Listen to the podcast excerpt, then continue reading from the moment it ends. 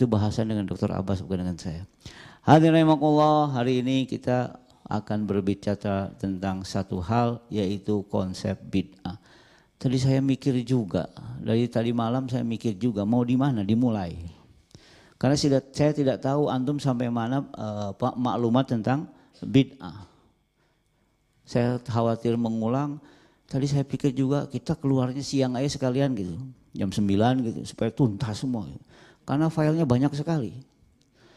Saya termasuk mungkin ya membahas bid'ah itu sampai sebut ustadz bid'ah juga saya ini.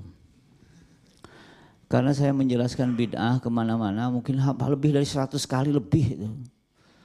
Dan saya menemukan hal-hal baru tentang oh begini, oh semakin yakin bahwa konsep bid'ah pertama tidak satu, yang kedua konsep bid'ah yang sering membid'ahkan juga tidak pernah teruji secara ilmiah gitu.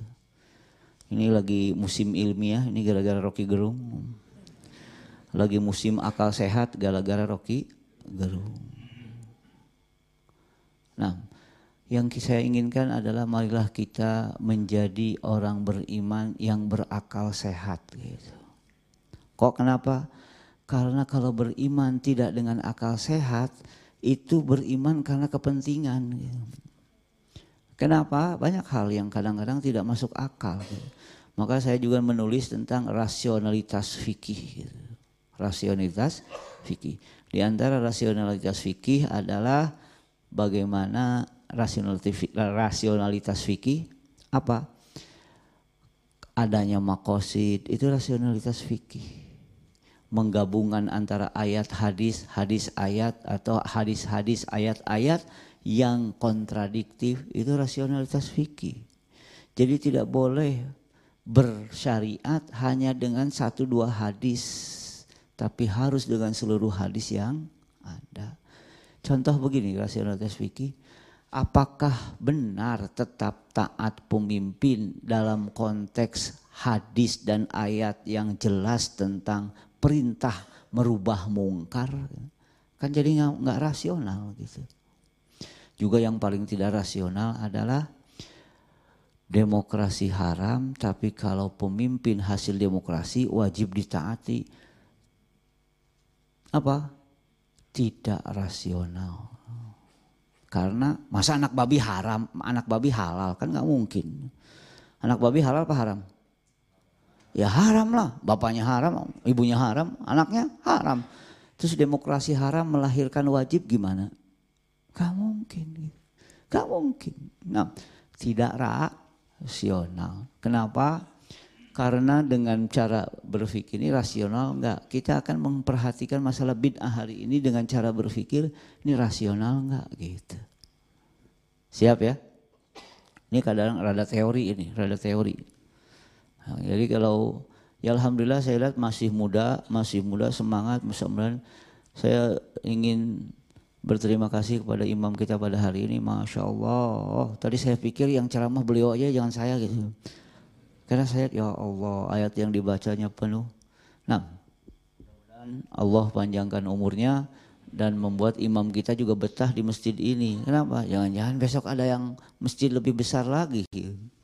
Nah, hadirin rahimakumullah. Nah ini yang tidak rasional dalam bid'ah di antaranya konsep kot'i dan dhonni.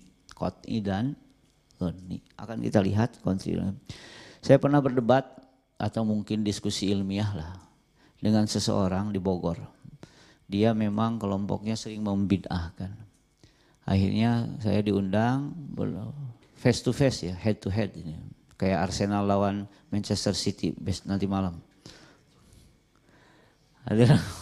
Yang nyambung nyambung yang enggak enggak ya. Ada rahimakumullah atau Persib lawan Persiwa lah. Ada rahimakumullah. Ada teman saya, saya dengan senang memperhatikan, oh Barcelona, Real Madrid, kamu dukung apa? Persib, eh, nggak kelas itu.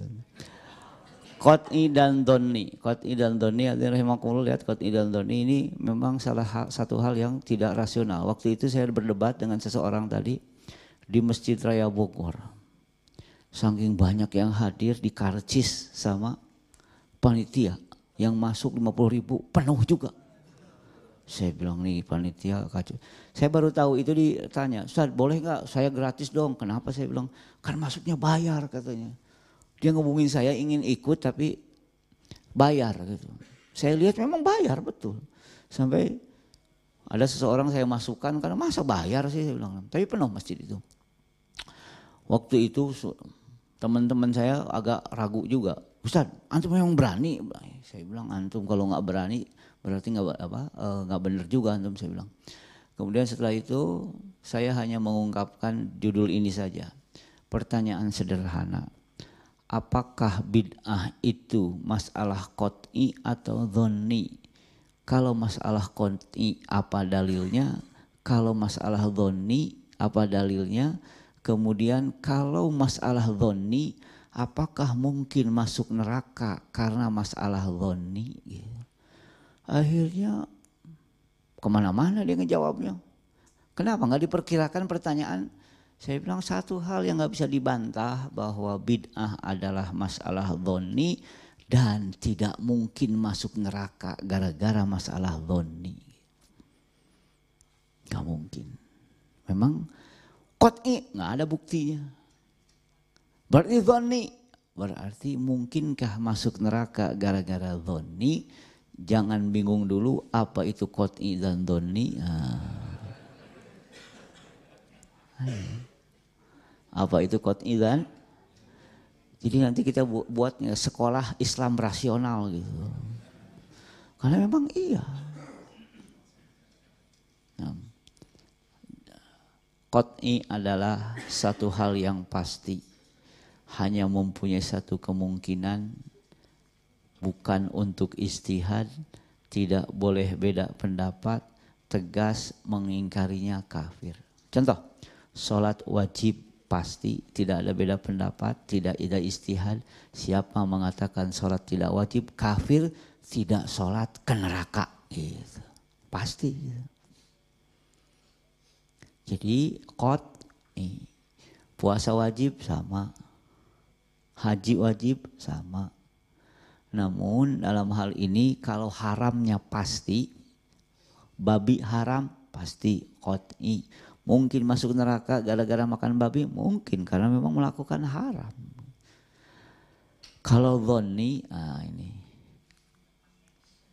belum pasti masih ada kemungkinan lain walaupun tidak pastinya belum sampai 100%, 90% itu belum kot'i gitu mempunyai lebih dari satu kemungkinan makna. Bisa. Lahan istihad, mungkin beda pendapat, toleransi. Qat'i dan loni. Nah pertanyaannya, apakah bid'ah atau konsep bid'ah qat'i atau dhoni itu pertama. Yang kedua, apakah menilai masalah tertentu bid'ah atau tidak kot'i atau zonni?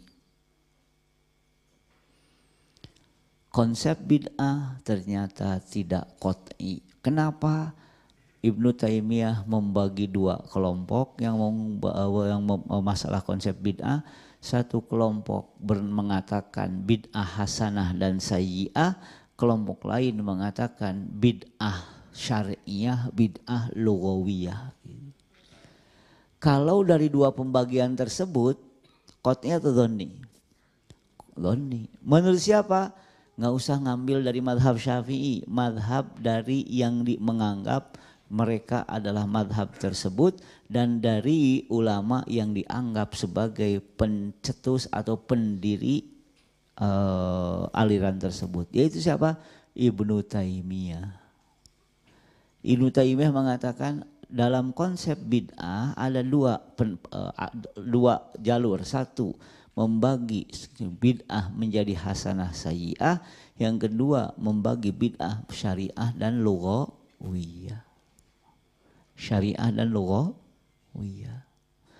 Nah, berarti secara konsep tidak qat'i. Kalau beda konsep sama nggak menilainya? Tidak akan sama. Yang kedua, dari sisi menilai masalah, kot'i apa dhoni? Dhoni juga. Kenapa? Saya pernah mengatakan bahwa ini lihat contoh yang paling katakanlah yang paling jelas ya. Setelah ruku, setelah ruku apakah sidakep atau tidak? Tahu sidakep kan? Sidakep itu bahasa Indonesia bahasa Sunda sih. Sidakep bari balem kan. Dulu ada nyanyian anak kecil. Nah. Lihat. Sami Allahu liman hamidah. Sunnah atau bid'ah? Syekh bin Bas mengatakan sunnah, Syekh Albani mengatakan bid'ah. Berarti dalam menilai bid'ah atau tidak, kotnya apa dhoni? Pertanyaannya, mungkin nggak masuk neraka dalam masalah kepastian hukumnya belum jelas, masih dhoni. Nggak bisa. Kenapa? Istihad itu kalau salah bukan ke neraka, dapat satu. Kalau benar dapat dua. Berarti mengatakan kullu bid'atin dhalalah kullu dhalalatin finnar hadisnya sahih memahami hadisnya ber, uh, kemudian menilai masalah juga dhonni. Jadi ada dua, ada fikih nusus memahami Al-Quran Sunnah, ada fikih tanzil yaitu memaham, setelah memahami memakai yang difahami tersebut untuk menilai Contoh, ghibah haram, fikih nusus. Apakah perbuatan si A ghibah itu bukan fikih nusus, nama fikih tanzil. Menilai mas Allah. Dari sisi fikih nusus doni, dari sisi fikih tanzil juga doni. Pertanyaannya apakah mungkin masuk neraka dalam masalah yang doni? Jadi masih terjadi beda pendapat, Nah, saya kira juga di sini akan tidak masuk akal kalau seandainya masalahnya boni, mungkin ada istihad, mungkin beda pendapat, tapi ke neraka kan nggak mungkin.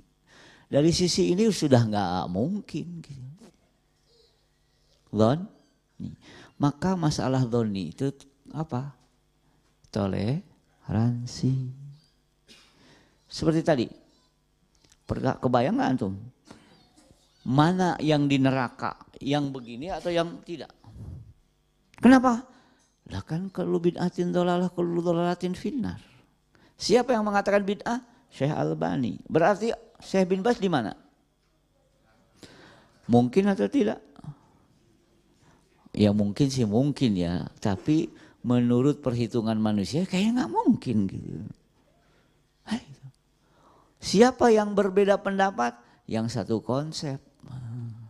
Nah, di sini juga memang terjadi masalah dalam masalah qot'i dan dhoni sehingga masalah bid'ah kalau dilihat dari qot'i dan dhoni ini bermasalah.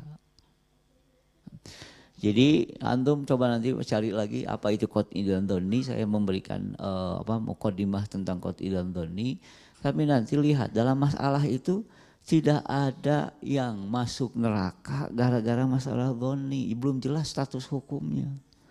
Kalau kalau masuk neraka kafir pasti ke neraka itu kot'i gitu. Tidak beriman ke neraka itu kot'i. Maka saya paling kasihan ngelihat orang kafir miskin. Meninggal lagi dalam keadaan kafir. Hmm, sangsara di dunia dan akhirat gitu. Ayo maka kita ini yang harus yang beriman harus merasa yakin. Kenapa? Kot'i masalahnya. Ada yang meninggal, hmm, digebugin, ente digebugin. Kayak tadi kan yang dibacakan oleh imam kita, semua ngaku, ngaku. Sudah bukti begitu jelas permasalahannya bukan mereka tidak beriman, tapi permasalahannya mereka tahu tapi berusaha untuk menutupinya, maka usaha untuk menutupinya namanya kafir. Seperti bahasa Inggris, cover. Nih cover nih. Meja ditutupi gitu. Menutupi keyakinan namanya kafir. Nah, jadi hadirin rahimakumullah tidak ada yang masuk neraka gara-gara masalah zon. Masalah bid'ah adalah masalah zonni baik dari sisi wurud ataupun dilalah. Maksudnya wurud itu periwayatan Pe, hadis yang qat'i hadis mutawatir. Hadis yang dhoni sahih Bukhari itu masih dhoni. Dari dilalah dari sisi makna. Dari sisi mak. Nah, jadi ini nah masalah qat'i dan dhoni. Dan waktu itu saya lihat juga lawan bicara bingung juga walau alam, bingung qat'i dhoni atau bagaimana gitu. Nah, kemudian dari makono ini kita lewat saja. Kita lewat ini sedikit saya mengulang bid'ah masalah krusial karena kalau tidak dipelajari dengan jelas akan melahirkan apa? Ke, ribut di tengah masyarakat. Mari kita lihat satu uh, hal lain yang menurut saya tidak masuk akal. Ada orang yang tidak sholat, ada orang sholat jamaah di masjid tapi zikir berjamaah, doa berjamaah dengan suara keras dan mengangkat tangan Pertanyaan saya, mana yang lebih buruk yang tidak sholat atau yang sholat berjamaah? Tidak sholat, antum salah, lihat. Tidak sholat adalah maksiat, zikir berjamaah adalah bid'ah. Bid'ah itu lebih buruk dari maksiat karena maksiat itu tahu salah dilakukan tapi bid'ah itu salah dianggap baik. Berarti yang lebih benar adalah yang tidak sholat lebih baik. Masuk akal atau tidak? Nah itu jadi piraku. Kan Betul atau tidak? Coba, betul kan ada yang mengatakan zikir berjamaah bid'ah? Doa berjamaah? Mengangkat tangan ketika doa sampai juga. Doa itu sebelum salam bukan setelah salam. Kenapa? Di, uh, Mu'ad bin Jabal disuruh berdoa duburo kulli sholatin. Duburo kulli sholat itu bukan setelah, di akhir sholat. Maka doa di akhir sholat. Gitu. Gak boleh setelah sholat. Doa setelah sholat bid'ah. Yang sunnah sebelum sholat. Nah ini kalau begitu kita terapkan dalam kehidupan. Ada yang gak sholat, maksiat. Ada yang setelah sholat berzikir berjamaah, doa berjamaah. Yang benar, uh, yang lebih baik yang mana? Masa sih piraku kalau bahasa Sunda ya, apalagi teng teingin. Maka orang yang tidak sholat lebih baik karena hanya melakukan maksiat. Apakah seperti itu? Saya juga di sini juga menjadi tidak rasional lagi. Terus yang senang yang siapa? Yang nggak sholat. Tuh kan, saya lebih baik daripada susah payah bangun subuh. Setelah itu zikir. Gitu. Maka di sini adalah kemudian Allah saya kadang mikir juga ini kalau mau paham betul tentang bid'ah memang bukan habis subuh harus pelatihan seharian gitu. Karena filenya banyak juga saya. Tapi nggak apalah, antum jangan stop saya hari ini. Pak kuat-kuat aja namanya. Konsep bid'ah harus dipelajari dengan sempurna dan secara amanah. Ini apa itu sempurna dari seluruh informasi yang ada. Nanti saya akan, memberikan beberapa informasi dari hadis yang membuat kita bertanya, apa itu bid'ah? Kenapa? Karena yang didengar selama ini informasinya tidak lengkap. Maksudnya dari seluruh hadis yang ada, dari seluruh ayat yang ada. Karena dalam surat hadid ada surat hadid, dalam surat hadid, al-hadid, apa?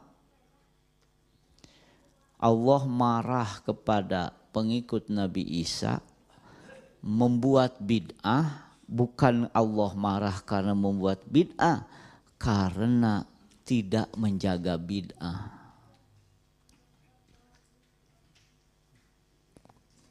Karena menjaga warohbaniyatan ibtada'uha. Sistem rohbaniyah itu kebid'ahan yang dibuat oleh orang pengikut Nabi Isa. Tak tidak disuruh, tapi yang Allah marah kenapa nggak dijaga? Subhan. Jadi kalau dia baca ayat itu berarti ada informasi yang harus dikaji sehingga apa itu bid'ah jadi lengkap. Kau kebayang nggak? Yang kan selama ini bid'ah nggak boleh, tapi yang di yang dalam surat hadis tadi apa? Yang dikecam bukan bid'ahnya, kenapa nggak dijaga? Fama ro'auha haqqo ayatiha. Kenapa nggak dijaga? Jadi Bukan bid'ahnya yang tidak boleh, tapi kenapa itu nggak dijaga? Fama ro'auha haqqa riayatiha. Berarti ada informasi yang harus dikumpulkan sehingga jelas apa itu bid. Jangan dari potongan-potongan parsial gitu. Nah, kedua secara amanah kita ingin makna bidah itu jujur, jujur tidak boleh apa disembunyikan informasi. Kenapa? Kalau informasi disembunyikan berarti punya tujuan. Saya khawatir tujuannya tidak disadari oleh yang melakukan tapi grand design dari orang tidak beriman untuk menghancurkan umat. Kenapa tidak amanah? Saya melihat begini dalam beberapa buku kitab Riyadhus Solihin disebutkan tentang bid'ah. Tapi Riyadhus Solihin adalah karangan Imam Nawawi yang menuliskan juga hadis tentang kullu bid'atin dolalah. Kullu bid'atin itu hadis riwayat Sahih Muslim yang menjelaskan Sahih Muslim adalah Imam Nawawi. Imam Nawawi menyebutkan kullu bid'atin dolalah, kullu di situ setiap bid'ah tapi ada pengecualian. Maka menurut Imam Nawawi tidak seluruh bid'ah sesat. Ada bid'ah yang tidak sesat. Siapa yang berkata Imam Nawawi? Tapi kenapa dalam penjelasan tentang bid'ah pendapat Imam Nawawi tidak dikutip? Padahal ada dalam kitab eh, Syarhun Nawawi ala Sahih Muslim. Ada. Berarti ada informasi yang tidak diungkap. Ini menjadi masalah. Silakan lihat dalam Riyadhus Solihin juga ketika menjelaskan bid'ah pendapat Imam Nawawi dipinggirkan sama sekali. Padahal Riyadhus Solihin itu kitabnya Imam Nawawi. Gitu.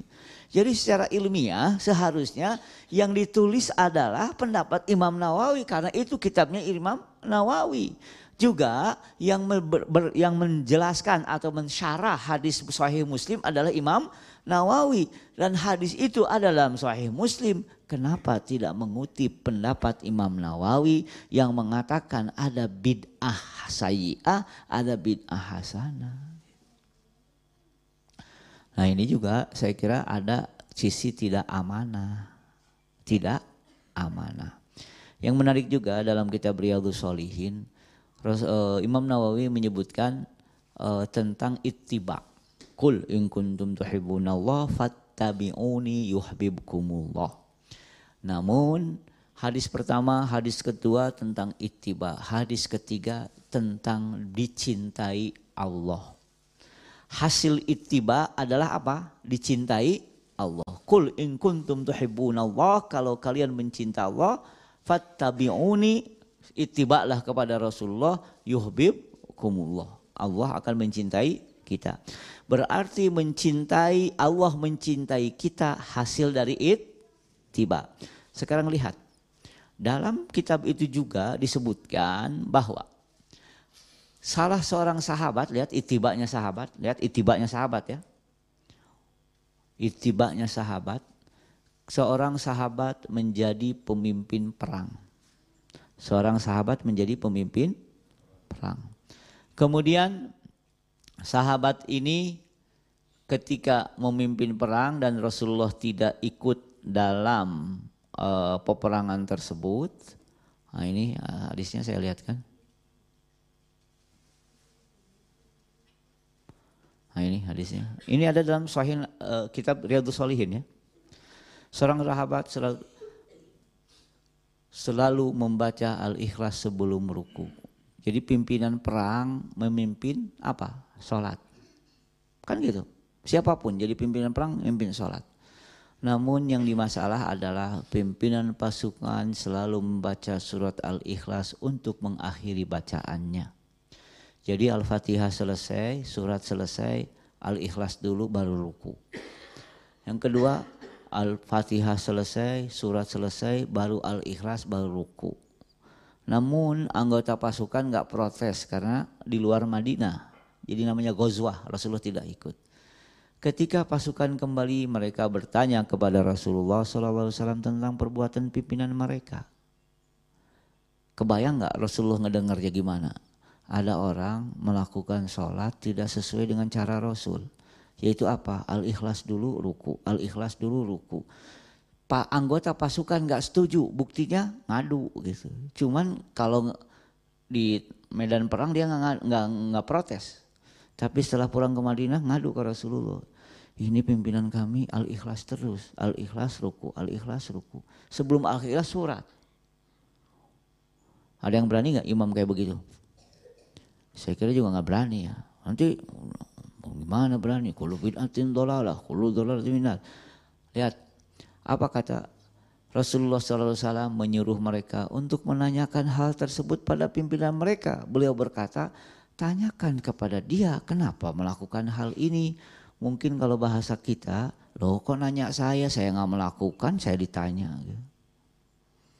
Jadi pertanyaan salah, kenapa ke saya? Tanya dia, orang saya nggak melakukan. Nah, dari sini Rasulullah memfonis bid'ah nggak? Tidak. Yang di tangannya fonis bid'ah siapa? Rasulullah. Tapi fonis bid'ah enggak? Enggak. Tapi apa? Tanya sama dia gitu. Akhirnya mereka pergi ke pimpinannya. Kemudian mereka menanyakan, ia menjawab karena surat tersebut sifat Ar-Rahman dan saya suka membacanya. Berarti pimpinan pasukan yang melakukan hal yang tidak sesuai dengan contoh dari Rasulullah, nanya ke Rasul enggak? Enggak. Ketemu Rasul enggak? Enggak. Kira-kira orang ini di surga apa di neraka? Rasulullah SAW berkata setelah dia kabarkan, berarti orangnya enggak ketemu kan? Kepada dia bahwa Allah mencintainya. Ini kalau salah dipahami berarti bid'ah yang hasanah itu lebih cepat masuk surga. Saya tanya tadi, kul in kuntum tuhibbunallaha apa? Fattabi'uni, ittiba'lah dengan saya. Nanti Allah mencintai kalian. Di sini Allah mencintai orang tersebut dengan melakukan ittiba. Kalau begitu apa itu ittiba? Ittiba itu harus sama atau sesuai? Di situ bedanya. Itiba itu harus sama atau harus sesuai? Akhirnya saya tulis ya, apakah itiba itu harus sama atau harus sesuai? Kenapa? Karena banyak dalam fikih tidak dilakukan Rasulullah tapi berpahala. Maka sebetulnya ada bab lain, slide lain yang saya uh, bikin di antaranya bagaimana memahami yang tidak Rasulullah lakukan. Tinjauan usul fikih. Anum kaget lagi itu. Panjang lagi ceritanya udah. Tapi dari hadis ini, ittiba. Apakah ittiba itu harus sesuai dengan yang Rasulullah lakukan atau ittiba itu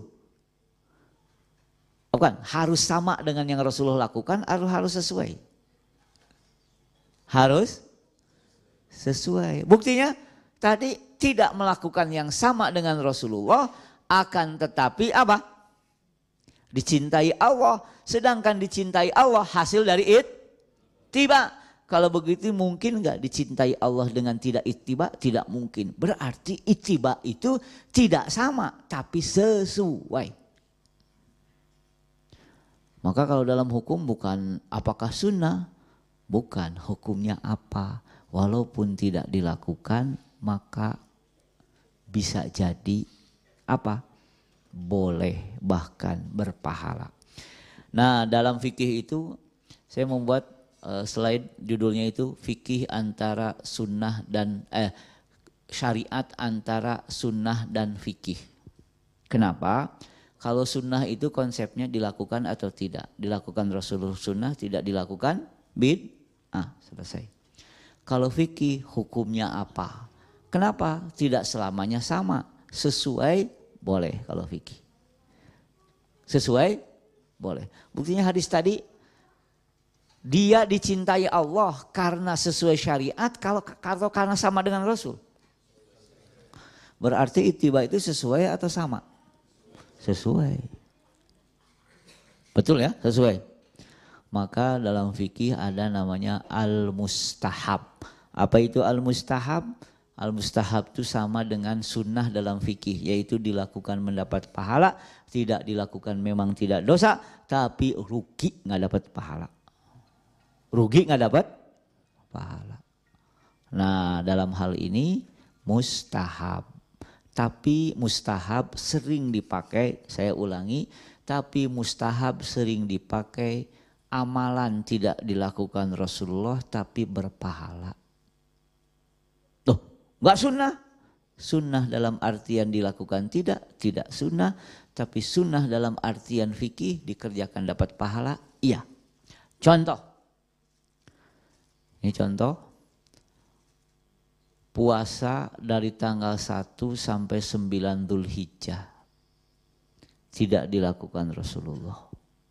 Tidak dilakukan Rasulullah. Semua mengatakan para ulama mustahab yaitu apa? Memang tidak dilakukan Rasulullah, memang tidak dicontohkan Rasulullah, tapi berpahala. Maka kadang-kadang informasi itu harus pertama sempurna, dua secara A, mana sempurna dari segala sisi, yang kedua dari seluruh hadis, seluruh ayat, yang namanya amanah apa? Jangan ada yang disembunyikan. Jangan ada yang disembunyikan. Nah, kalau begitu apa bid'ah masih menggantung? Kenapa? Kalau bid'ah adalah tidak dicontohkan Rasulullah, kalau bid'ah adalah tidak dilakukan Rasulullah, kalau bid'ah adalah hal baru dalam agama, ini menjadi masalah. Kenapa? Hal baru dalam agama terlalu banyak yang disepakati boleh. Yang kedua masalah bid'ah adalah masalah yang bisa menimbulkan caci maki. Pelaku maulid disebut pelaku bid'ah itu kesalnya minta ampun yang maulidan. Sampai ayat-ayat mengenai orang kafir diperuntukkan oleh para pelaku maulid Nabi. Wah ini menjadi bahaya lagi. Jadi maulid Nabi itu kalau dari konsep Rasulullah melakukan atau tidak memang tidak dilakukan. Tapi kalau konsep fikih apakah boleh lain lagi urusannya. Lain lagi. Nah, jadi urgensi mempelajari bid'ah secara sempurna dan amanah agar umat tidak ribut. Yang menarik bagi saya tahun 70-an ada tahlilan, tahun 70-an ada namanya apa nama eh, tahun 70-an juga ada yang namanya Maulid Nabi tapi perbedaan pendapat Muhammadiyah dengan NU tentang tahlilan tidak pernah keluar kata bid'ah. Betul nggak yang lebih sepuh dari saya lah. Tahun 80-an lah, ada mendengar kata bid'ah nggak? Tidak ada. Paling tidak ya Muhammadiyah dengan NU beda pendapat dengan Persis ya. Kalau di Bandung banyak Persis dan banyak Persibnya. Persis misalkan juga nggak mau maulid Nabi. Tapi apakah Persis pernah mengeluarkan kata-kata bid'ah atau tidak? Tidak. Permasalahannya sejak kapan bid'ah lahir? Atau sejak kapan bid'ah populer?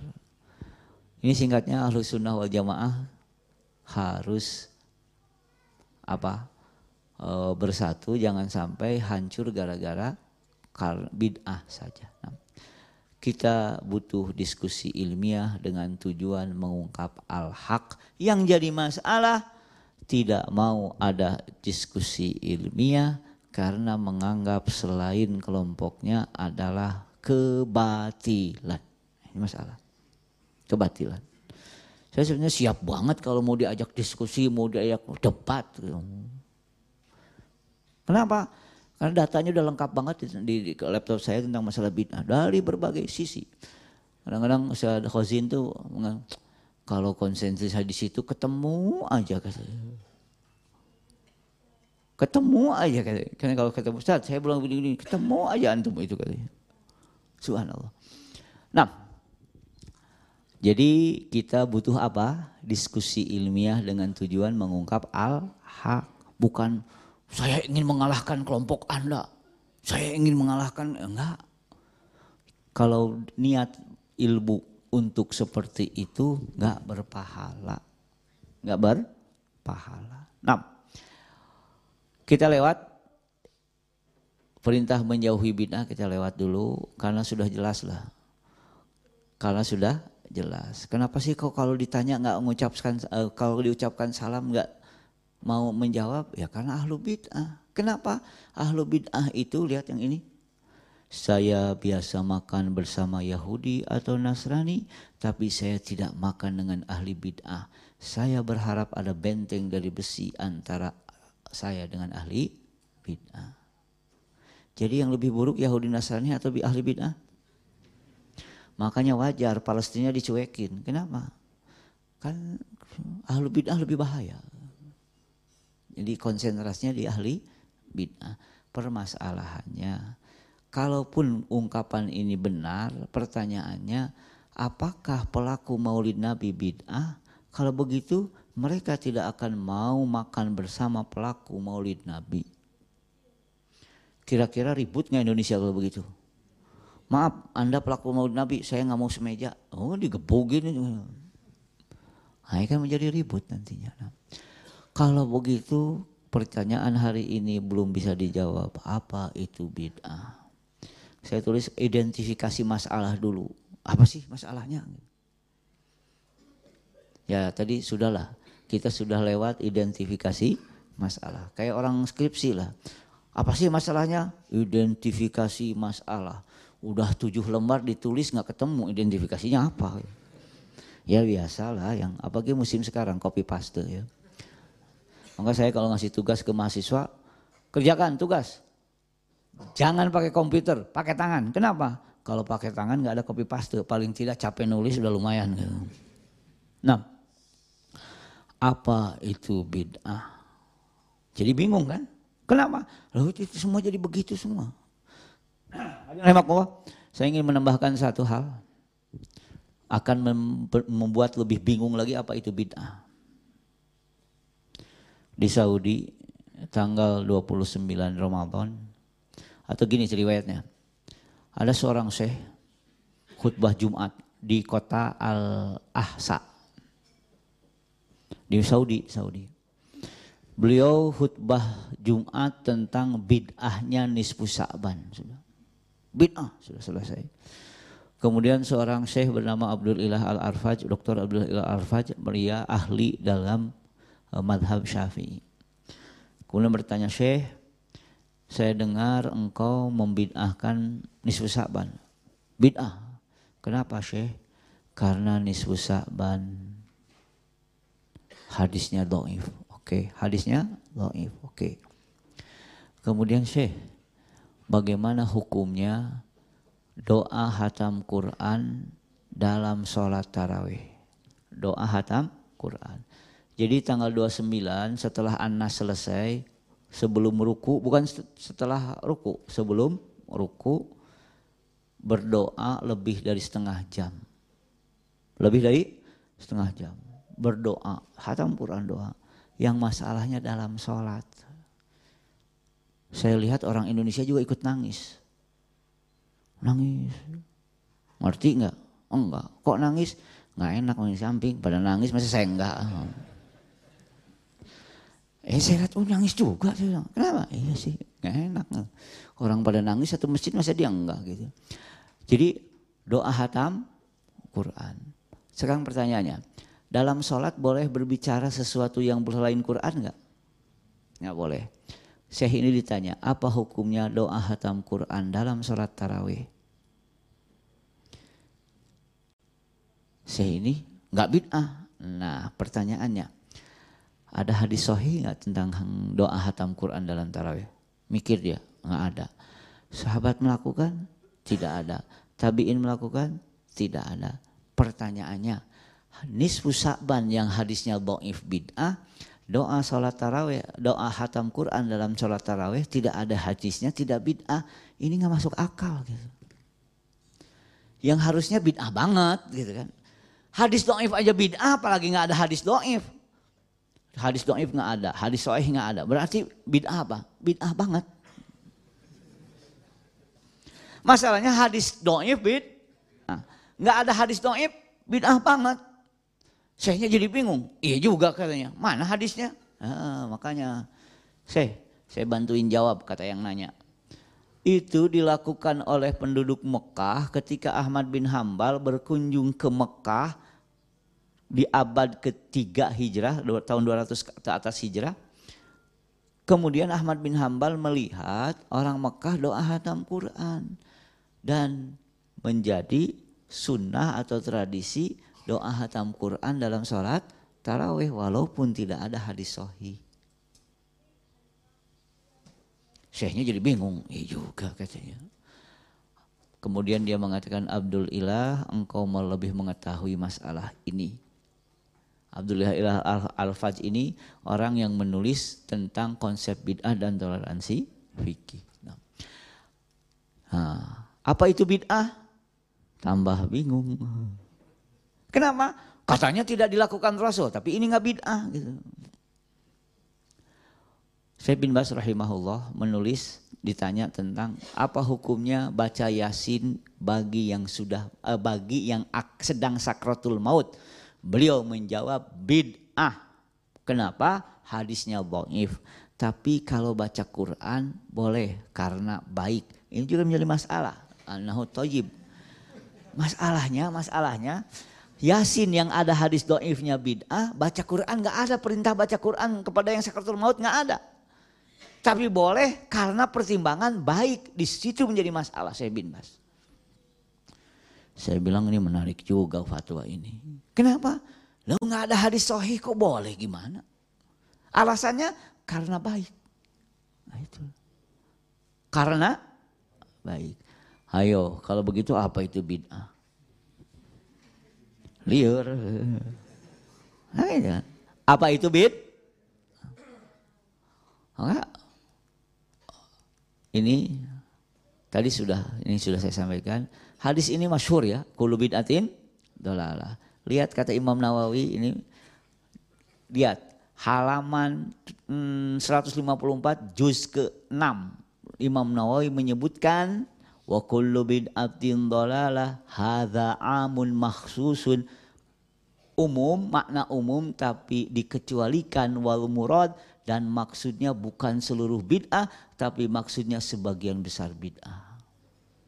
Berarti ada bid'ah yang baik nggak menurut Imam Nawawi? Ada. Itu teksnya tuh. Sengaja saya tuliskan Arabnya supaya kalau orang ragu, ini Ustadz bisa bahasa Arab nggak? Saya baca sekalian. Tak tu taknya saya baca gitu. Karena saya di kelas kalau saya masuk kelas mahasiswa buka buku, baca kitab. Kalau salah tak tu tak itu nahunya saya suruh lari itu. Lari tiga keliling. Akhirnya setelah alumni mereka mengatakan kami itu paling takut kalau sebelum pelajaran antum. Disuruh lari. Enam, lihat yang kedua, wa fi hadza fa fi hadzal hadisi takhsisu qaulihi sallallahu alaihi wasallam. Dalam hadis ini man sanna fil Islam sunnatan hasanatan mengecualikan hadis Rasulullah tentang kullu muhdasatin bid'ah setiap hal baru bid'ah wa kullu bid'atin dolalah dan setiap hal bid'ah adalah sesat. Wa innal wa innal murada bihi al muhdatsatu. Al muhdatsatu wal bid'ah al mazmumah berarti menurut Imam Nawawi ada bid'ah yang baik. Menurut siapa? Jelas bukunya. Imam Syafi'i ada bid'ah baik. Imam Hajar Asqalani ada bid'ah yang baik. Dan banyak sekali ulama menyebutkan ada bid'ah yang baik. Di sini yang saya sebut tadi harus secara amanah. Gak boleh syaratnya. Jadi apa itu bid'ah? Belum belum belum apa belum terjawab sampai sekarang. Hadis yang sering masyhur gaman ahdasa fi amrina hadza ma laisa minhu fahuwa raddun. Ada tiga syarat bid'ah. Man ahdasa membuat hal baru dalam masalah agama akan tetapi tidak bagian dari agama. Syarat bid'ah tidak tiga. Membuat hal baru dalam urusan agama bukan dari agama bagaimana hukumnya membuat hal baru dalam urusan agama tapi bagian dari agama atau sesuai dengan agama. Bid'ah atau bukan? Seharusnya tidak bid'ah. Kenapa? Kalau ada tiga syarat, dua syarat terpenuhi, syarat terakhir tidak, berarti bukan bid'ah. Coba sekali lagi, tiga syarat bid'ah. Apa? Membuat hal dalam urusan bukan bagian dari laisa minhu. Saya balik. Man ahdasa muat hal baru fi amrina hadza dalam urusan agama kami wahwa minhu tapi bagian dari agama. Bid'ah atau tidak? Seharusnya tidak bid'ah. Berarti bid'ah itu sebetulnya sesuai atau tidak. Kalau sesuai ya tidak bid'ah gitu loh. Kalau sesuai tidak bid'ah. Oh. Tapi di sini tidak ada pengecualian karena bid'ah itu pasti tidak ada dalilnya. Yang jadi masalah kenapa tadi seluruh ulama mengatakan boleh doa hatam Quran dalam sholat tarawih. Apakah sholatnya sah? Misalkan walabolin amin. Kemudian dia membaca dengan keras. Rabbik firli wali wali daya amin. Itu sholatnya batal karena Rabbik firli wali wali daya bukan bagian dari sholat. Paling tidak kalau membacanya pelan. Rabbik firli wali wali daya amin. Itu masih boleh. Masih boleh. Kenapa? Karena Rasulullah di antara juga atau mungkin Rasulullah itu kalau baca Quran lewat ayat neraka nangis dulu. Diem doa dulu ya Allah melindungi dari neraka. Lanjut lanjut gitu. Kalau lewat ayat surga diem dulu berdoa meminta surga. Boleh berdoa. Tapi jangan diucapkan. Kalau diucapkan justru jadi nggak boleh. Kenapa membatalkan sholat bukan bagian Quran sekarang doa hatam Quran itu panjang sekali itu Panjang sekali. Yang pernah umroh di bulan Ramadan saya kira mengalaminya. Kalau tidak pernah umroh di bulan Ramadan tinggal buka YouTube aja. Doa hatam Quran itu akan untuk lihat. Nah jadi apa itu bid'ah? Masih juga. Nah apakah setiap hal baru pasti bid'ah? Nah ini masalah lagi. Handphone bid'ah atau tidak? Mobil bid'ah atau tidak? naik pesawat ke haji bid'ah atau tidak? Apa bedanya dengan zikir pakai tasbih bid'ah atau tidak? Nah, bid'ah. Nah. Syekh bin Bas mengatakan tidak bid'ah, Syekh Albani mengatakan bid'ah. Oh, beda lagi. Masalah baru ada dua, masalah dalam ibadah, masalah selain ibadah. Kemarin ada ngobrol, itu harusnya handphone bid'ah begini. Wah ini belum ngerti saya bilang. Bid'ah masalah baru dalam agama itu ada dua. Ada ibadah, ada selain ibadah. Yaitu muamalat, muamalat itu selain ibadah, wasail alat.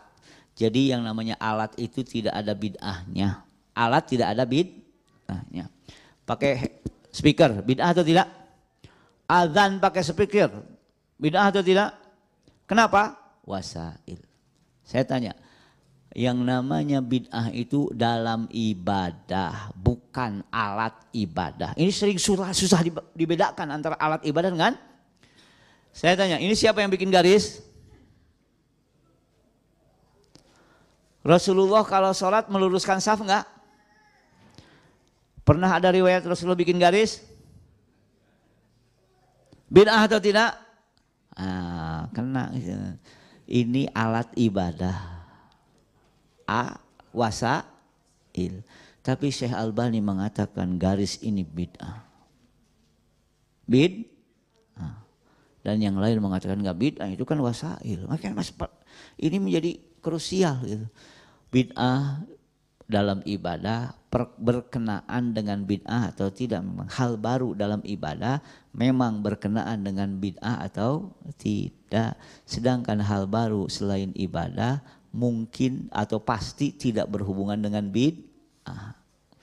Nah, masalah baru dalam selain ibadah pasti tidak bid'ah. Masalah baru dalam ibadah berpotensi bid'ah, belum tentu bid'ah. Kenapa? Bid'ah hanya ada dalam ibadah. Pertanyaan selanjutnya, apakah setiap hal baru dalam ibadah pasti bid'ah? Jawabannya tidak, karena baca Quran, eh baca doa hatam Quran dalam sholat itu ibadah dan hal baru dan tidak bid'ah gitu. Berarti gimana ini kalau begitu? Makanya harus dipelajari dengan lengkap. Kalau begitu, apakah setiap hal baru dalam ibadah pasti bid'ah? Saya pindahkan eh, apanya slide-nya. Lihat slide yang ini bagaimana ini isinya, ini isinya amalan sahabat, amalan sahabat yang tidak sesuai dengan amalan Rasul dan sahabat nggak pernah nanya. Berarti apakah hal baru dalam ibadah pasti bid'ah? Nanti dulu. Kenapa? Terlalu banyak sahabat melakukan hal baru dalam ibadah akan tetapi tidak bid'ah. Mari kita lihat ini file khusus nih. Saya tulis di sini delapan hadis tentang amal baru dilakukan sahabat tidak diajarkan Rasulullah akan tetapi Rasul, sahabat tidak nanya. Kayak tadi hadis yang tadi yang yang nanya siapa? Yang melakukan atau makmum? Pertanyaannya yang melakukan nggak takut beda apa gimana sih? Kita kan takut banget gitu. Maka pertanyaannya apakah takut bid'ah sunnah gitu. Nah, apakah takut bid'ah sunnah? Kenapa? Lah sahabat nggak pernah takut. Mari kita lihat. Ini Hadisnya nih bahasa Arabnya sahih Bukhari. Sudah. Nggak usah bertanya, hadisnya nggak sahih nanti dulu. Seorang dari Ansor menjadi imam di Masjid Kuba. Ia selalu memulai surat yang akan ia baca dalam surat dengan surat Al-Ikhlas sampai selesai. Jadi gini, kalau tadi sebelum ruku Al-Ikhlas, ini enggak. Waladhalin amin Al-Ikhlas baru surat. Waladhalin amin Al-Ikhlas baru surat. Seperti tadi, waladhalin amin Az-Zumar. Kemudian setelah itu ia membaca surat lain. Nah, sahabat yang lain menegurnya. Mereka berkata, lihat engkau memulainya dengan surat ini yaitu surat Al-Ikhlas. Dan engkau merasa tidak cukup dengan surat Al-Ikhlas sampai engkau membaca surat lain. Apa kata makmum? Pilih saja salah satunya. Cukup membaca Al-Ikhlas atau tidak membaca Al-Ikhlas namun membaca surat lain. Jangan dua-dua. Kenapa? Karena Rasulullah nggak ada dua surat begitu nggak ada. Apalagi al-ikhlas terus-terusan. Nggak nggak usah. Ma, imam diprotes makmum. Apa kata imam? Saya tidak akan meninggalkannya. Kalau kalian setuju, aku mengimami kalian dengan cara seperti itu, saya akan jadi imam. Kalau kalian tidak setuju, saya tidak akan jadi imam. Mungkin bahasa kitanya, ya sudah kalian jadi iman susah amat. Kata makmum, jangan. Dia yang jadi imam. Kalau begitu, saya tidak akan merubah. Ya udah terusin aja daripada kita yang jadi imam. Zaman salat, eh, jamaah salat melihat bahwa ia orang yang terbaik di antara mereka, mereka tidak ingin orang lain mengimami. Ya sudah, tanggung sendiri. Ya udah, jadi makmum sudah. Walaupun nggak setuju, tetap. Ketika Nabi SAW mengunjungi Kuba, mereka menceritakan kejadian itu. Yang menceritakan siapa? Imam takut nggak? Kemudian Rasulullah bertanya kepada imam, apa? Nah, ini menarik lagi. Kok nggak ponis bid'ah? Nanya dulu. Makanya sunnah itu nanya dulu, jangan langsung bid'ah. Apa yang membuat engkau menolak untuk mengerjakan apa yang diminta sahabatmu? Pertanyaan saya, apakah Rasulullah setuju dengan imam dengan makmum? Dengan imam atau dengan makmum? Setujunya? Berarti Rasulullah tidak setuju dengan imam, tapi nanya dulu. Ini menarik. Kalau nggak setuju nanya dulu, jangan bid'ah dulu sebelum nanya gitu. Apa yang membuat engkau menolak untuk mengerjakan apa yang diminta sahabatmu? Berarti Rasulullah sama pendapatnya dengan para makmum. Tapi Rasulullah tidak seudon, nanya dulu. Yang hilang di zaman sekarang adalah nanya dulu. Tapi kan nggak enak Ustaz kalau nanya dulu, ntar dia marah.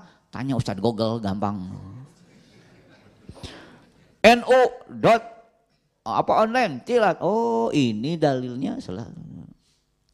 Kemudian apa yang membuatmu selalu membaca surat ini di setiap rakaat? Eh, nanya kan? Difonis nggak? Enggak. Yang heran bagi saya kenapa pelaku tidak nanya. Imam kan harusnya diprotes nanya ketika Rasulullah datang dia nanya. Tapi ketika Rasulullah datang dia nggak nanya juga, tenang aja. Sampai Rasulullah yang nanya. Imam masjid menjawab saya mencintainya. Kira-kira apa jawaban Rasulullah?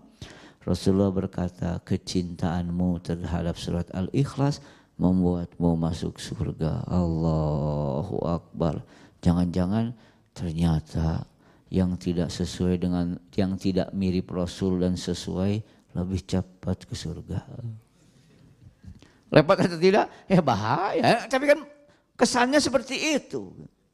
Apa yang bisa kita pahami dari masalah ini? Pertama, Rasulullah SAW tidak langsung menilai amalan sahabat yang tidak sesuai dengan yang beliau ajarkan. Atau mungkin yang lebih tepat tidak mirip dengan yang beliau ajarkan.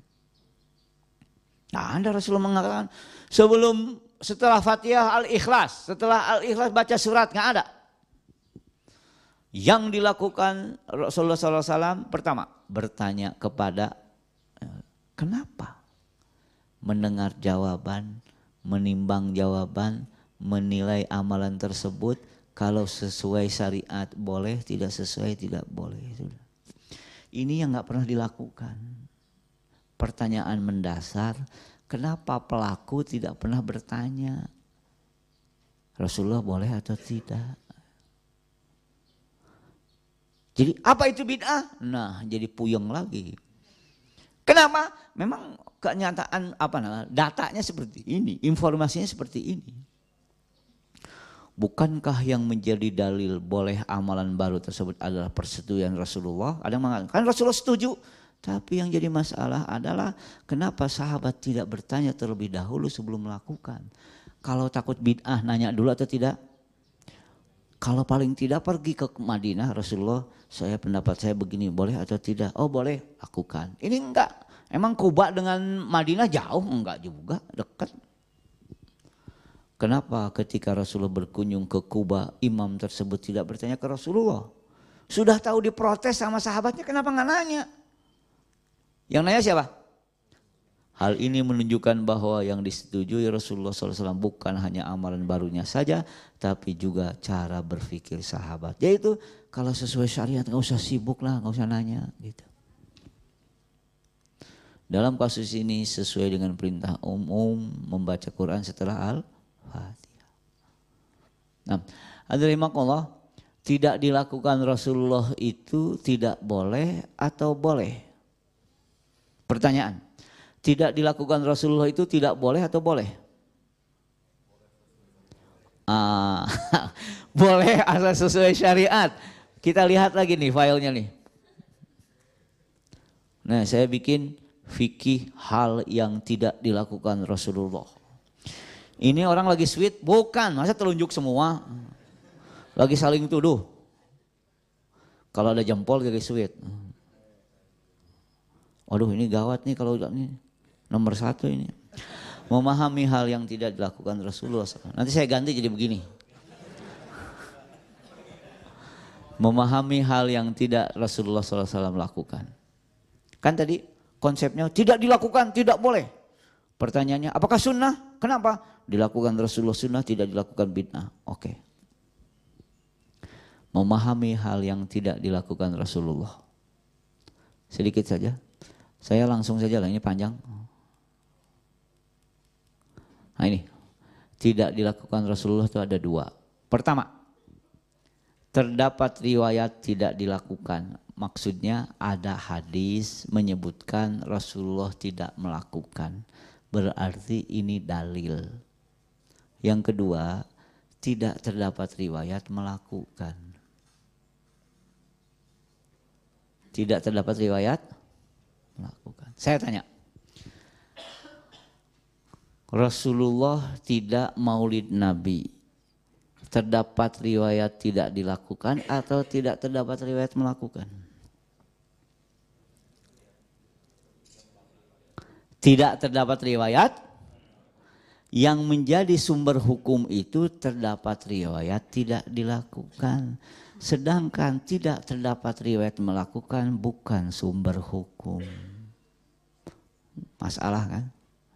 Jadi kalau mau didetilkan lagi dalam sisi usul fikih ini coba Rasulullah tidak makan daging apa? Dob, betul, nggak kejebak. Saya kira mau bilang kadal. Apa namanya biawak. Bukan. Yang benar adalah dob yaitu kadal padang pasir. Rasulullah tidak memakan daging kadal uh, padang pasir terdapat riwayat tidak dilakukan. Rasulullah tidak maulid Nabi tidak terdapat riwayat melakukan. Yang menjadi sumber itu sunnah, hadis, hadis atau yang menjadi sumber itu bukan hadis. Hadis. Yang pertama ini hadis, yang ini bukan hadis. Kenapa? Yang menjadi sumber adalah hadis. Berarti terdapat riwayat tidak dilakukan menjadi sumber hukum, tidak terdapat riwayat melakukan bukan sumber hukum. Jadi tidak boleh berdalil dengan mengatakan Rasulullah tidak melakukan. Kenapa? Tadi Rasulullah melakukan tidak? Tidak. Boleh atau tidak? Boleh. Kan Rasulullah masih hidup. Permasalahannya kenapa sahabat nggak nanya gitu. Pantasnya nanya nggak sahabat? Lihat ini lebih keterlaluan lagi. Bilal ditanya sama Rasulullah. Tadi sebenarnya ada di situ. Bilal ditanya sama Rasulullah. Bilal, kenapa sendalmu, gesekan sendalmu ada di depan saya di surga? Apa yang kau lakukan? Dalam riwayat menyebutkan bahwa Rasulullah saya kalau batal wudhu, saya sholat, uh, wudhu dan saya sholat. Dalam riwayat mengatakan, lain mengatakan bahwa Rasulullah saya sebelum azan wudhu. Atau yang kedua, Rasulullah saya setelah azan wudhu. Gitu. Jadi ada dua pada benar. Tapi yang jelas Bilal ditanya Rasulullah, apa yang kau lakukan? Kata Bilal tadi katakanlah saya kalau sebelum adzan apa? Wudhu. Oke. Okay. Bilal sering ketemu Rasul nggak? Sering. Apakah Rasulullah sebelum azan wudhu? Tidak.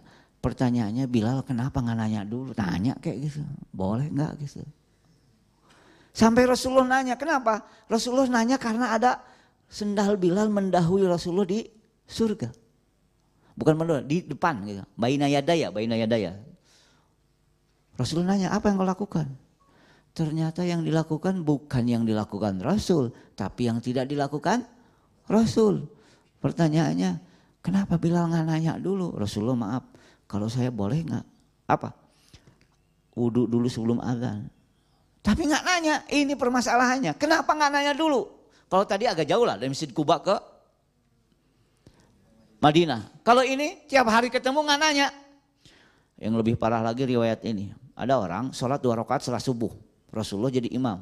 Rasulullah lihat, ini orang kok sholat dua rakaat setelah subuh, gimana sih ceritanya? Terus Rasulullah lewat nggak nanya juga. Kalau saya jadi gurunya saya kemplang, ente nanya dulu kayak gimana kayak. Orang ada saya di depan nggak nanya juga. Bulan, kenapa engkau sholat dua rakaat setelah subuh? Rasulullah, saya tadi sebelum subuh nggak sempat kau beli subuh. Saya kodok sekarang. Oh ya boleh. Pantasnya nanya atau gimana?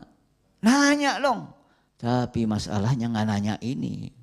Kalau tadi jauh, kalau Bilal mungkin ini di depan Rasul nggak nanya juga. Makanya tidak terdapat riwayat melakukan itu bukan dalil mengatakan tidak boleh. Waduh, jadi apa itu bid'ah? Belum selesai. Sepanjang ini belum selesai, apa tuh bid'ah? Banyak. Kan tadi saya bilang nggak jangan dibatasi, kuma kuma uing. Saya yang paling seneng tuh kalimat persib nu aing. saya bilang dasar orang Bandung bilang kalau kalau walaupun lama di Jakarta tetap aja persib nu aing gitu. Perbedaan tidak melakukan dan sunnah tarkiyah. Jadi banyak sekali perbedaan sebetulnya. Sunnah tarkiyah adalah apa? Men Definisi sunnah tarkiyah adalah Rasulullah SAW meninggalkan sesuatu ucapan atau perbuatan dengan syarat sengaja meninggalkannya. Jadi ada riwayatnya, ada kesengajaan. Kalau tidak sengaja meninggalkannya, bagaimana kita akan menafsirkan apa yang ditinggalkan sebagai sunnah, sebagai hadis gitu. Jadi kalau nggak sengaja, Rasulullah tidak melakukan maulid Nabi, sengaja atau tidak? Tidak sengaja berarti tidak terdapat riwayat melakukan. Kalau dengan sengaja ada isyarat nggak boleh. Kalau nggak sengaja gimana ada isyarat nggak boleh.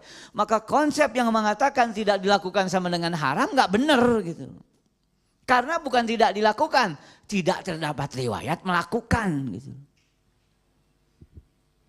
Nah, hadirin sunnah tarkiyah atau tidak dikerjakan yang berpengaruh kepada hukum hanya sunnah tarkiyah sedangkan tidak dikerjakan tidak menjadi sumber hukum. Ini ada dalam usul fikih. Ada dalam ya, apa namanya? Saya kebetulan S3-nya tentang usul fikih. Tentang usul fikih. Kalau fikih itu hasil ijtihad, usul fikih itu cara berfikirnya. Maka sering berbicara tentang cara berfikirnya. Saya kritik cara berfikirnya sekalian. Jadi ada makullah saya lewat ini ini saja. Lihat.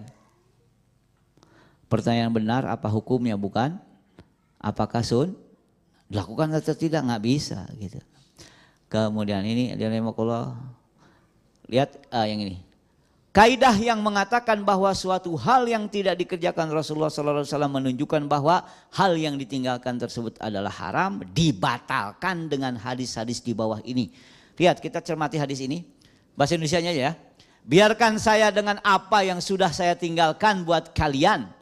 Umat sebelum kalian hancur karena pertanyaan mereka, penentangan mereka terhadap Nabi. Jadi banyak nanya, banyak nentang.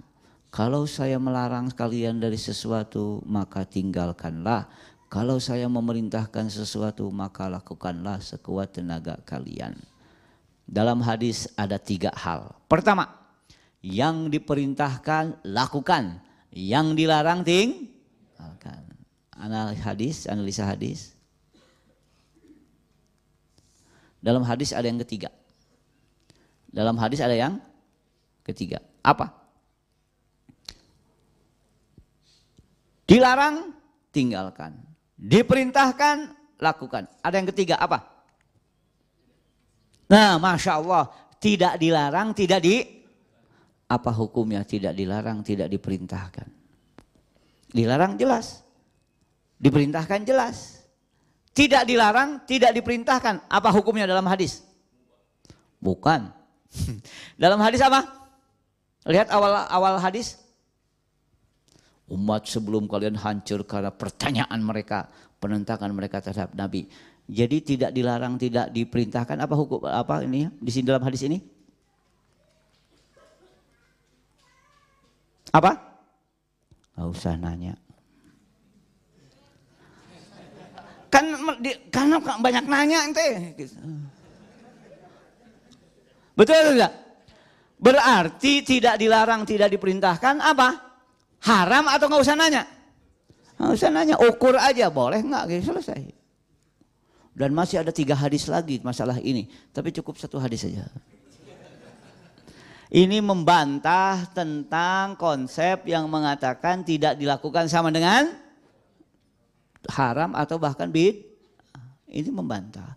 Maka hadirin rahimakullah dalam hal ini masih menggantung apa itu namanya bid Ah. Kenapa? Informasi ini semua membuat kita jadi jadi bid'ah itu apa?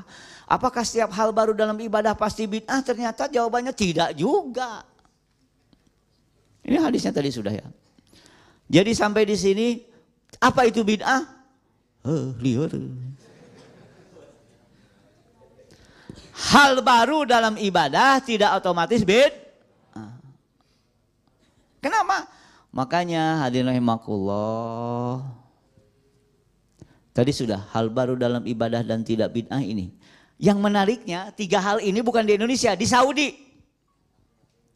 Loh, di Saudi tidak pernah dilakukan Rasulullah dan tidak bid'ah. Yaitu tadi sudah doa hatam Quran dalam sholat taraweh. Di Masjidil Haram ada hal baru tidak dilakukan Rasulullah.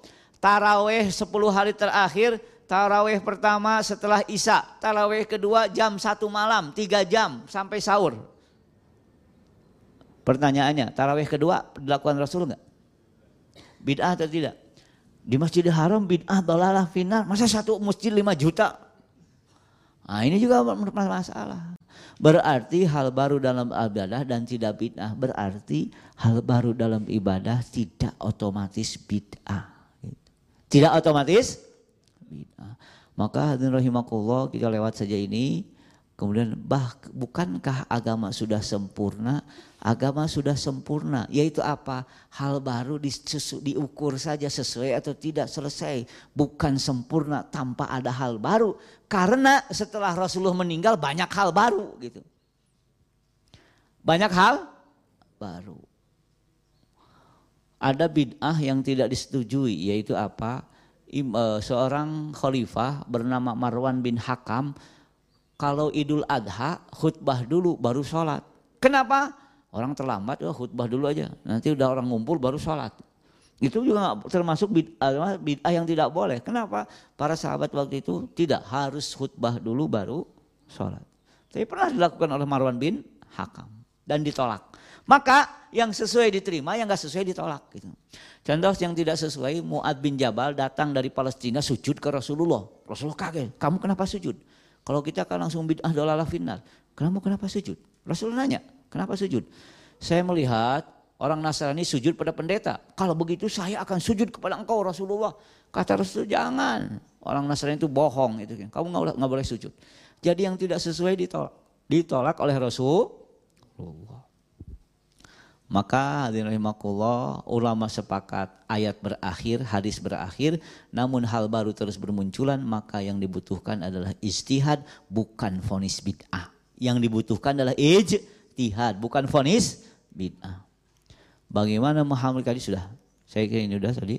Kemudian hadirin rahimakumullah yang saya ingin sampaikan terakhir, terus pertanyaannya apa itu bid'ah? Bagaimana konsep ulama mengenai bid'ah? Ternyata dalam madhab empat pun berbeda pendapat. Yang pertama pokoknya seluruh mungkin bid'ah. Yang kedua tidak, dalam ibadah saja mungkin bid'ah. Beda pendapat juga. Kotnya apa Doni? Mungkin gak masuk neraka gara-gara Doni? Ya gak mungkin. Nah kalau ini sepakat. Ini sepakat Bid'ah dalam syariah adalah hal baru yang diciptakan bertentangan. Saya ulangi bertentangan dengan kaidah-kaidah agama Islam dan bertentangan dengan teks-teksnya. Ini sepakat bid'ah. Contoh, haji daripada ke Mekah mendingan ke Pamijahan. Saya pernah dulu ke Pamijahan. Nah, bahkan masuk gua. Ini kalau kepalanya pas haji katanya, yuh banyak orang bertapa di situ. Masuk gua adan dulu. Iyuh. Pemijahan ya di Tasik ya. Nah, kalau di Garut gadog gitu. Nah. Memang kalau ini saya tidak mengatakan itu bid'ah tapi ini kalau memang tidak ada dalil sama sekali dan bertentangan dengan syariat bid'ah. Hajinya nggak usah jauh-jauh, umrohnya ke pemijahan. Kalau umroh ke pemijahan jelas nggak boleh. Karena dulu di Sulawesi ada nggak ke Mekah, mereka hajinya di sana di gunung apa gitu. Nah itu jelas bid'ah. Bagaimana bid'ah? Laut ngamuk dilempar kepala kerbau, itu bid'ah dolalah final gitu. Walaupun sholatnya. Yang kedua, titik perselisihan nah ini. Setiap hal baru yang memiliki warna agama tidak ditemukan dalam kurun waktu pertama yaitu para sahabat salafun soleh namun tidak bertentangan dengan nusus syariah. Yang jadi masalah adalah namun tidak bertentangan. Yang satu mengatakan bid'ah hasanah, yang lain mengatakan bid'ah banget. Memang terjadi beda pendapat. Jadi secara konsep pun terjadi beda pendapat. Kalau secara konsep beda pendapat, apakah akan sama? Tidak. Konsep pertama mengatakan ya tinggal istihad saja. Yang kedua pokoknya tidak dilakukan sama dengan haram atau sama dengan bid'ah memang tidak terjadi kesepakatan.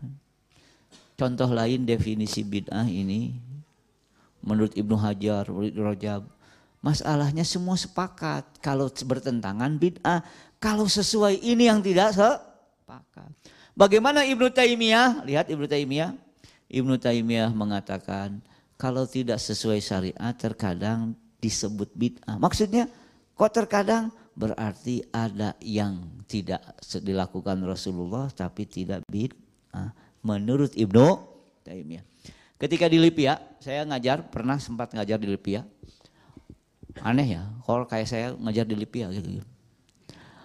Memang di kelas saya sering menjelaskan beberapa hal yang kesalahan dalam cara berpikir. Saya jelaskan ke mereka.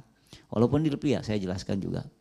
Ada mahasiswa uh, waktu itu mahasiswa terlihat dia wah kayaknya gayanya membinah-binahkan. Sini saya bilang maju ke depan. Saya bawa buku Kitab Ibnu Taimiyah. Jadi masalah gini, apakah sunnah? Jadi ada pertanyaan. Riwayat tentang doa iftitah kan banyak. Katakanlah paling tidak dua. Allahumma ba'id baini wa baina khotoyaya. Satu lagi. Inna sholati wa nusuki. Jadi kalau ba'id baini baina khotoya Muhammadiyah inna sholasi wa nusuki NU. Jadi untuk mengetahui NU Muhammadiyah baca apa iftitah Allahumma ba'id selesai catat Muhammadiyah. Kan gitu. Kemudian boleh nggak dia sholatnya panjang? Kenapa? Allahumma ba'id baini selesai, inna sholati wa nusuki selesai. Boleh nggak menggabungkan? Menurut Imam Nawawi mustahab dapat pahala, dua-duanya dikerjakan. Menurut Imam Ibn Taimiyah tidak sunnah, bahkan bid'ah, tapi boleh. Betul. Jadi saya panggil mahasiswa itu innahu laisa bisunnah bal innahu bid'ah walakin yajuzu fi'luhu. Yang dia kaget ya yajuzu fi'luhu. Kok gimana Ustaz? Ya. Ente yang baca itu Ibnu Taimiyah bukan saya saya bilang. Jadi Ibnu Taimiyah mengatakan ada bid yang disebut bid'ah tapi boleh dilakukan. Itu yang menjadi masalah. Apakah setiap bid'ah sesat? Berarti Ibnu Taimiyah ada bid'ah yang boleh dong kalau begitu. Ada bukunya itu. Ada bukunya. Maka dalam hal ini hadirin rahimakumullah, Ibnu Taimiyah pun tidak otomatis tidak dilakukan Rasulullah sama dengan bid'ah, tapi ditimbang dulu. Timbang dulu. Terakhir, selama bagi yang mengatakan apa ada bid'ah yang baik selama ada dalil dalam syariat tidak dikatakan bid'ah dan itu pun dikatakan oleh Syatibi. Syatibi mengatakan kalau ada dalil tidak bisa disebut bid'ah Ah, panjang sini. Sya, tibi. Berarti secara substansi ada dua konsep bid'ah yaitu mubayyikun sering membid'ahkan sempit memahami bid'ah tapi sering membid'ahkan yang kedua muasiun luas memahami bid'ah tapi jarang membid'ahkan kalau begitu konsep bid'ah kuatnya Pak Dhani kalau begitu mungkin nggak terjadi masuk neraka tapi beda pendapat boleh atau tidaknya? Nggak mungkin. Kenapa? Istihad itu kalau dilakukan salah dapat dua, benar dapat eh salah dapat satu, benar dapat kan begitu. Kalau begitu hadirin rahimakumullah ini terakhir pembagian bid'ah. Ada yang mengatakan bid'ah itu bid'ah logowiyah, bid'ah syariah. Hasanah atau tidaknya dalam bid'ah logowiyah, bukan dalam bid'ah syariah. Kalau bid'ah syariah, bolalah finnar. Namun saya ingin tunjukkan tadi yang saya sebutkan dari Imam uh, Ibnu Taimiyah tentang pembagian bid'ah, bid'ah hasanah dan bid'ah sayyi'ah.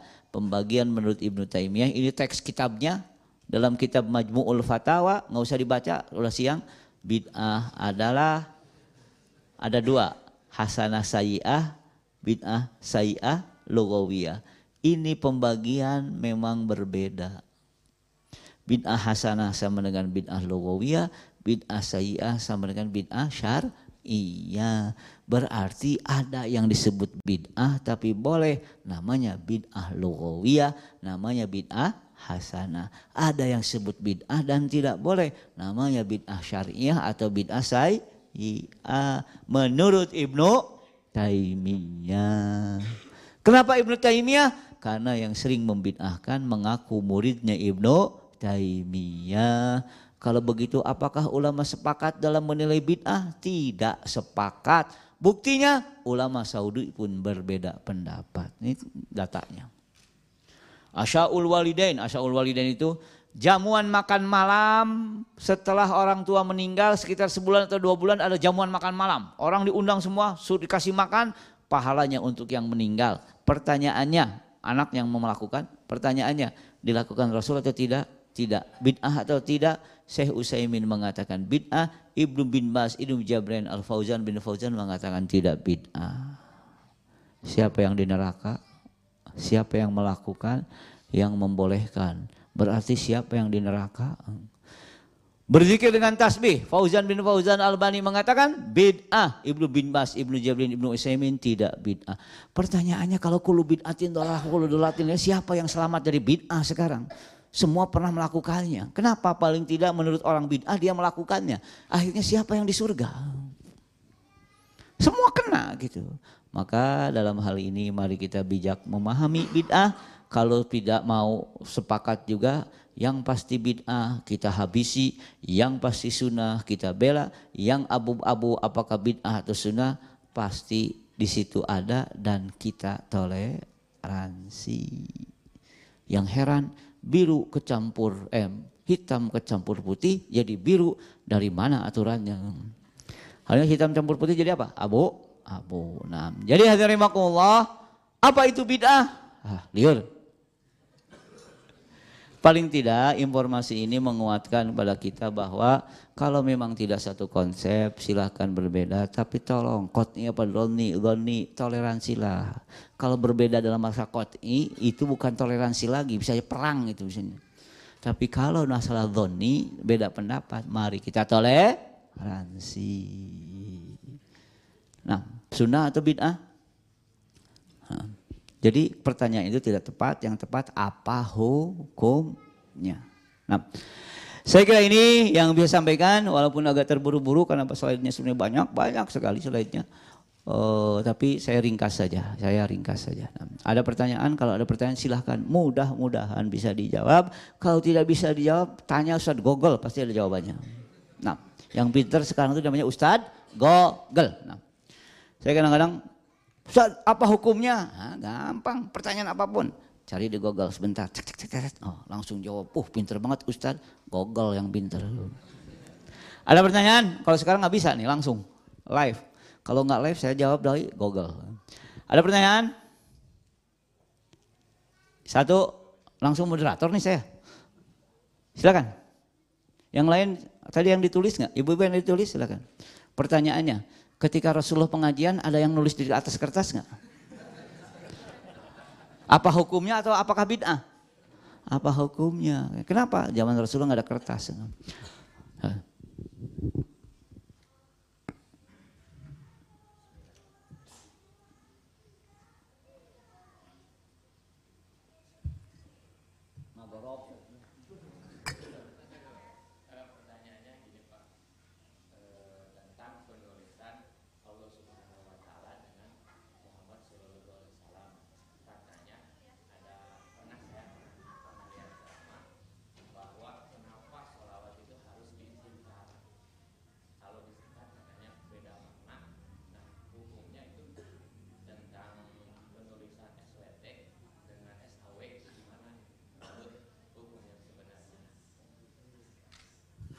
Ini jawabannya masalah jawaban uh, linguistik ya. Jadi kalau dalam bahasa itu ada adal al-madlul. Adal itu yang kita lihat adal. Al-madlul maknanya.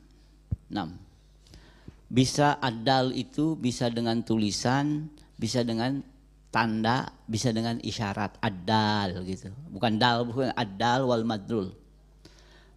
Jadi kalau untuk singkatnya misalkan dilarang melewati kereta ap, eh, rel kereta api panjang kan. Kasih aja gambar kereta cepret selesai. Maknanya sama tapi adalnya beda. Yang satu gambar kereta cepret yang kedua lewat apa melewati rel kereta mati. Ya, sama aja itu. Atau contoh di masjid. Handphone coret. Maksudnya apa dilarang bawa handphone. Daripada ditulis yang bawa handphone matikan. Anak kecil nggak ke masjid, kenapa? Takut dimatikan. Yang bawa handphone atau handphone yang dimatikan? Yang bawa handphone matikan. Yang dimatikan apanya? Yang bawanya apa handphonenya? Itu namanya adal gitu. Tapi al-madlulnya sama. Nah biasanya kadang-kadang kan ini SWT itu kan dalnya. Maksudnya sallallahu alaihi wasallam subhanahu wa taala.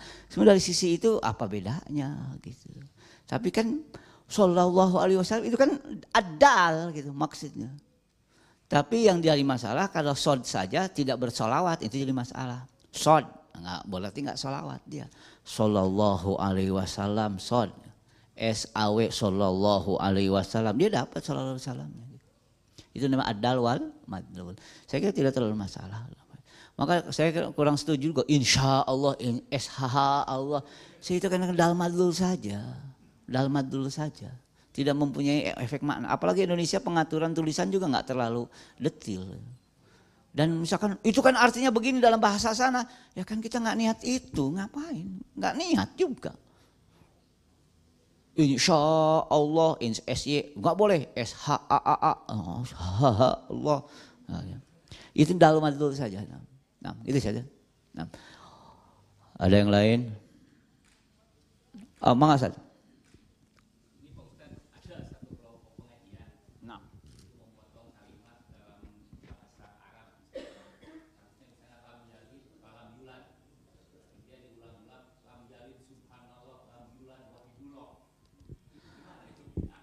Ya jelas nggak boleh kalau dalam Quran itu itu jelas jelas bukan apa ya. Kalau saya mungkin menghindari kalimat bidah jelas haram. Ya. Kenapa? Menambahi Quran. Quran itu ditambah satu kata juga nggak boleh. Ada ada kalimat uh, mutatabiat, mutatabiat ditambahkan jadi nggak boleh. Quran itu harus mutawatir dan nggak boleh. Namun begini, Bismillahirrahmanirrahim. Dia Allahu Akbar. Alhamdulillahirabbil alamin. Dia Kok diam? Kan dalam hadis disebutkan kalau kita alhamdulillah Allah pun muji kita. Saya sedang menikmati pujian tersebut, maka diam dulu, boleh. Juga boleh misalkan tadi kita uh, membacakan ayat tentang neraka. Sebetulnya boleh imam berhenti berdoa, ya Allah, lindungi saya dari neraka. Kemudian lanjutkan. Ya Allah, lindungi saya dari neraka, lanjutkan.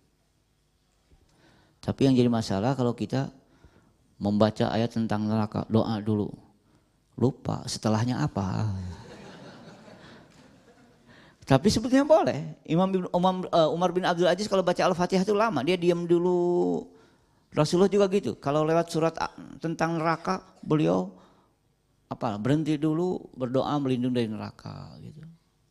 Nangis dulu boleh, nangis dulu. Yang tidak boleh ada seorang imam nangis nisaukum harthul lakum fa'tu harsakum anna syi'tum. Nangis dia. Yang makmum bingung lagi kan ini masalah istri kok nangis? Ternyata imamnya belum nikah. Nisa harsul lakum. Hei can kawin. Nah itu saja. Jadi nah gini doanya nggak boleh keras saya bertanya juga diajari dari kecil itu kalau sudah wala balin jangan langsung amin. Rabbik firli wali wali daya. Amin. Tapi jangan keras. Ada masjid saya kira waktu itu mahasiswa nanya kalau tidak salah di Cilengsi ya. Wala balin dia langsung a ternyata yang lain belum. Karena imamnya baca dulu Rabbik firli wali wali daya Amin. Itu kan menambah bacaan dalam sholat. Itu nggak boleh, jelas nggak boleh. Tapi dalam hati boleh. Dalam hati boleh. Nggak usah diucapkan. Juga ketika sujud berdoa pakai bahasa Indonesia boleh, tapi jangan terdengar. Diam. Bucu yang tidak boleh ada baca Quran dalam sujud itu. Boleh ya Allah. Dalam hati, tanah belum laku. Nah, boleh. Maka doa itu tidak selamanya harus pakai hadis so boleh pakai yang lain-lainnya gitu. Ya Allah, ya Allah. Ya. Kata yang istri, ya Allah, mudah-mudahan suami saya orang so. Kata yang laki-laki, mudah-mudahan istri saya orang so. Itu doa nggak pernah ber, bisa digabulkan. Malaikat bingung karena maksud dari suami soleh tidak nikah lagi. Maksud dari istri soleh ngizinin nikah lagi. Ya. Jadi kalau suami istri pada doa di rumah sedang tahajud, yang bingung malaikat nih yang mana? Ayo ngaku doanya. Jadi bapak-bapak kalau bilang, um, soleh istri suami saya bukan, nggak nikah lagi. Gitu. Juga sama ibu-ibu. Jadi jangan istri solehah, enggak, enggak soleh. Enam, ngizinin nikah. Ya. Saya kayak ini yang bisa sampaikan tidak terasa sudah jam 6.48, hampir 2 jam nih. Ini buku silahkan dirujuk, tidak usah dibeli, kopi saja apa namanya filenya nggak usah beli. Tapi kalau mau beli silahkan. Karena beli tidak beli saya nggak untung. Saya bukan jualan, tapi saya hanya menulis pengantar dan menerjemah. Oh, pantas apal isinya. Yang saya nerjemahin ini. Itu dari buku ini ya. Nah. Ada pertanyaan lagi? Ibu-ibu, ya silakan. Kalau marah ibu-ibu saya panggil mak-mak. Mak-mak. Silakan. Waalaikumsalam.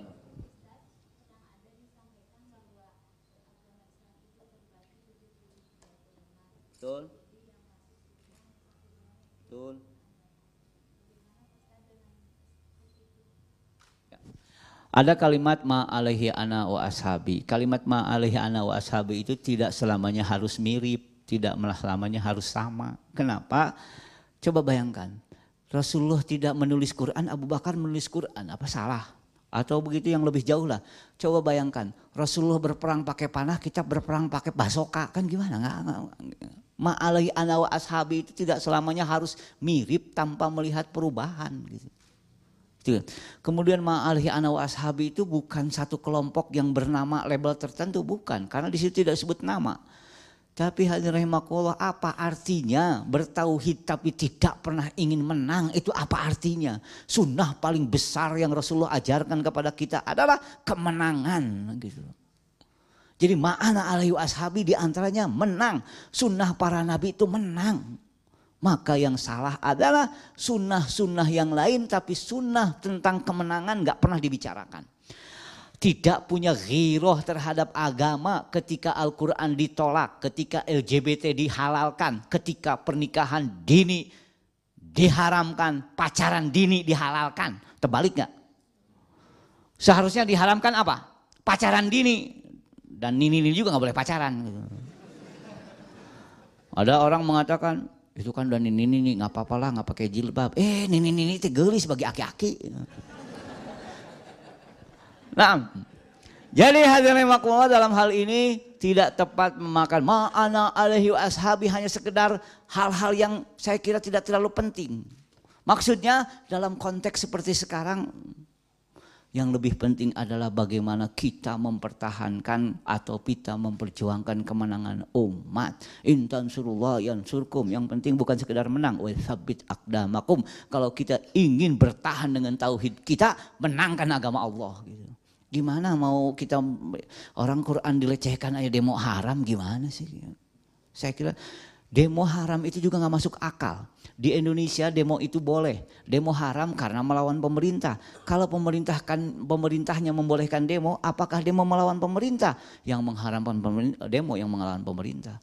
Jadi kalau fatwa jangan dari Saudi di copy paste ke Indonesia, beda gitu. Itu juga kesalahan, kesalahan. Itu pertama. Yang kedua, 73 golongan tidak prioritas di hadapan kondisi umat seperti ini. Saya tanya, di Mekah ada 73 golongan enggak ketika Rasul di Mekah? Tidak, dua golongan, mukmin, kafir. Ketika hijrah sebelum Fatu Mekah, ada berapa golongan? Tiga, mukmin, kafir, munafik. Setelah Fathu Mekah, walau alam hadis itu kapan turun, yang jelas hadirin rahimakumullah, situasi kita dalam keadaan seperti ini akan menjadi kontraproduktif kalau berbicara 73 golongan yang menghasilkan Nasrani Yahudi dibiarkan tapi kelompok muslim yang dihantam terus. Ketika ada Nasrani menghantam Palestina, hijrah, nggak usah diapa-apain, kita hijrah saja. Subhanallah. Yang jadi pertanyaan adalah kenapa isu-isu yang berkenaan dengan Yahudi Nasrani tidak pernah disentuh sama sekali tapi isu yang berkenaan dengan sesama kelompok muslim selalu disentuh karena tidak prioritas yaitu membahas 73 golongan melupakan tiga golongan. Kita berbicara tiga golongan, jangan 73 golongan. Kalau tiga golongan konsentrasinya munafik kafir. Kalau 73 golongan nggak peduli munafik, nggak peduli kafir, terserah. Jadi di sini masalah yaitu paling tidak skala prioritas, skala prioritas bukan 73 golongan, skala prioritas tiga golongan. Yang ketiga, hadis tersebut ada yang mengatakan tidak sahih. Kenapa? Kalau dilihat dari isinya memang menjadi tidak sahih. Kalau dilihat dari isinya ya. Ada yang mengkritik hadis tersebut. Di antaranya bagaimana Rasulullah mengatakan min umati dari umatku tapi di neraka gitu kan nggak mungkin juga. Awal hadis dengan ujung hadis nggak matching gitu. Jadi ada metode sahih tidak sahih hadisnya bukan sanatnya. Isinya gimana? di antaranya Imam Malik, Imam eh, Abu Hanifah melihat isinya benar gak? Kalau isinya nggak benar, walaupun sanadnya sahih, nggak sahih katanya. Imam Malik, Imam Abu Hanifah. Jadi kalau dari lihat sisi isinya menjadi tidak tepat. Kenapa? Diakui di umatku pertama, tapi di akhirnya menjadi tidak gitu. Kalau begitu jangan disebut umatku dong. Nah, gitu ya. Itu ada dalam uh, beberapa buku tentang uh, penilaian terhadap hadis tersebut. Namun secara skala prioritas tidak prioritas karena hasilnya umat hancur belu, hancur berantakan, Yahudi, Nasrani dan munafik ber apa? berkuasa dengan begitu leluasa. Sama dengan haramnya demokrasi itu memberi jalan munafik dan kafir berkuasa. Nah, itu dulu pernah ada dalam bab fikih mako Nah, Gitu ya. Nah, jadi ibu-ibu uh, atau emak-emak kan beda sekarang. Ibu-ibu nomor sekian, emak-emak nomor sekian. Tapi saya panggil emak-emak aja lah. Emak-emak yang saya hormati. Terus bapak-bapak apa namanya? Nah. Barakallahu liwalakum. Ini rekor yang mau sampai jam 7 ini. Barakallahu li Mudah-mudahan Allah kuatkan iman kita. Sekali lagi saya ingatkan kalau kita tidak pernah ingin agama ini menang adalah bahaya dengan tauhid kita, bahaya dengan akidah kita. Tolong perjuangkan kemenangan agama ini agar kita tetap bertauhid yaitu apa? Intan surullahayan surkum. Yang kedua, wal akda makum. Ujian begitu hebat kalau kita membela agama Allah, kita akan tetap dalam keimanan. Nah, tidak boleh bertauhid tapi tidak pengen menang. Kita bertauhid dan ingin menang, tauhid itu tidak boleh kalah wa kalimatullahi al ulya. Nah, Barakallahu li wa lakum wa nafa'ani bima fihi minal ayati wa dzikril hakim. Aku lu qauli hadza wa astaghfirullah li wa lakum khutbah Jumat. Assalamualaikum warahmatullahi wabarakatuh.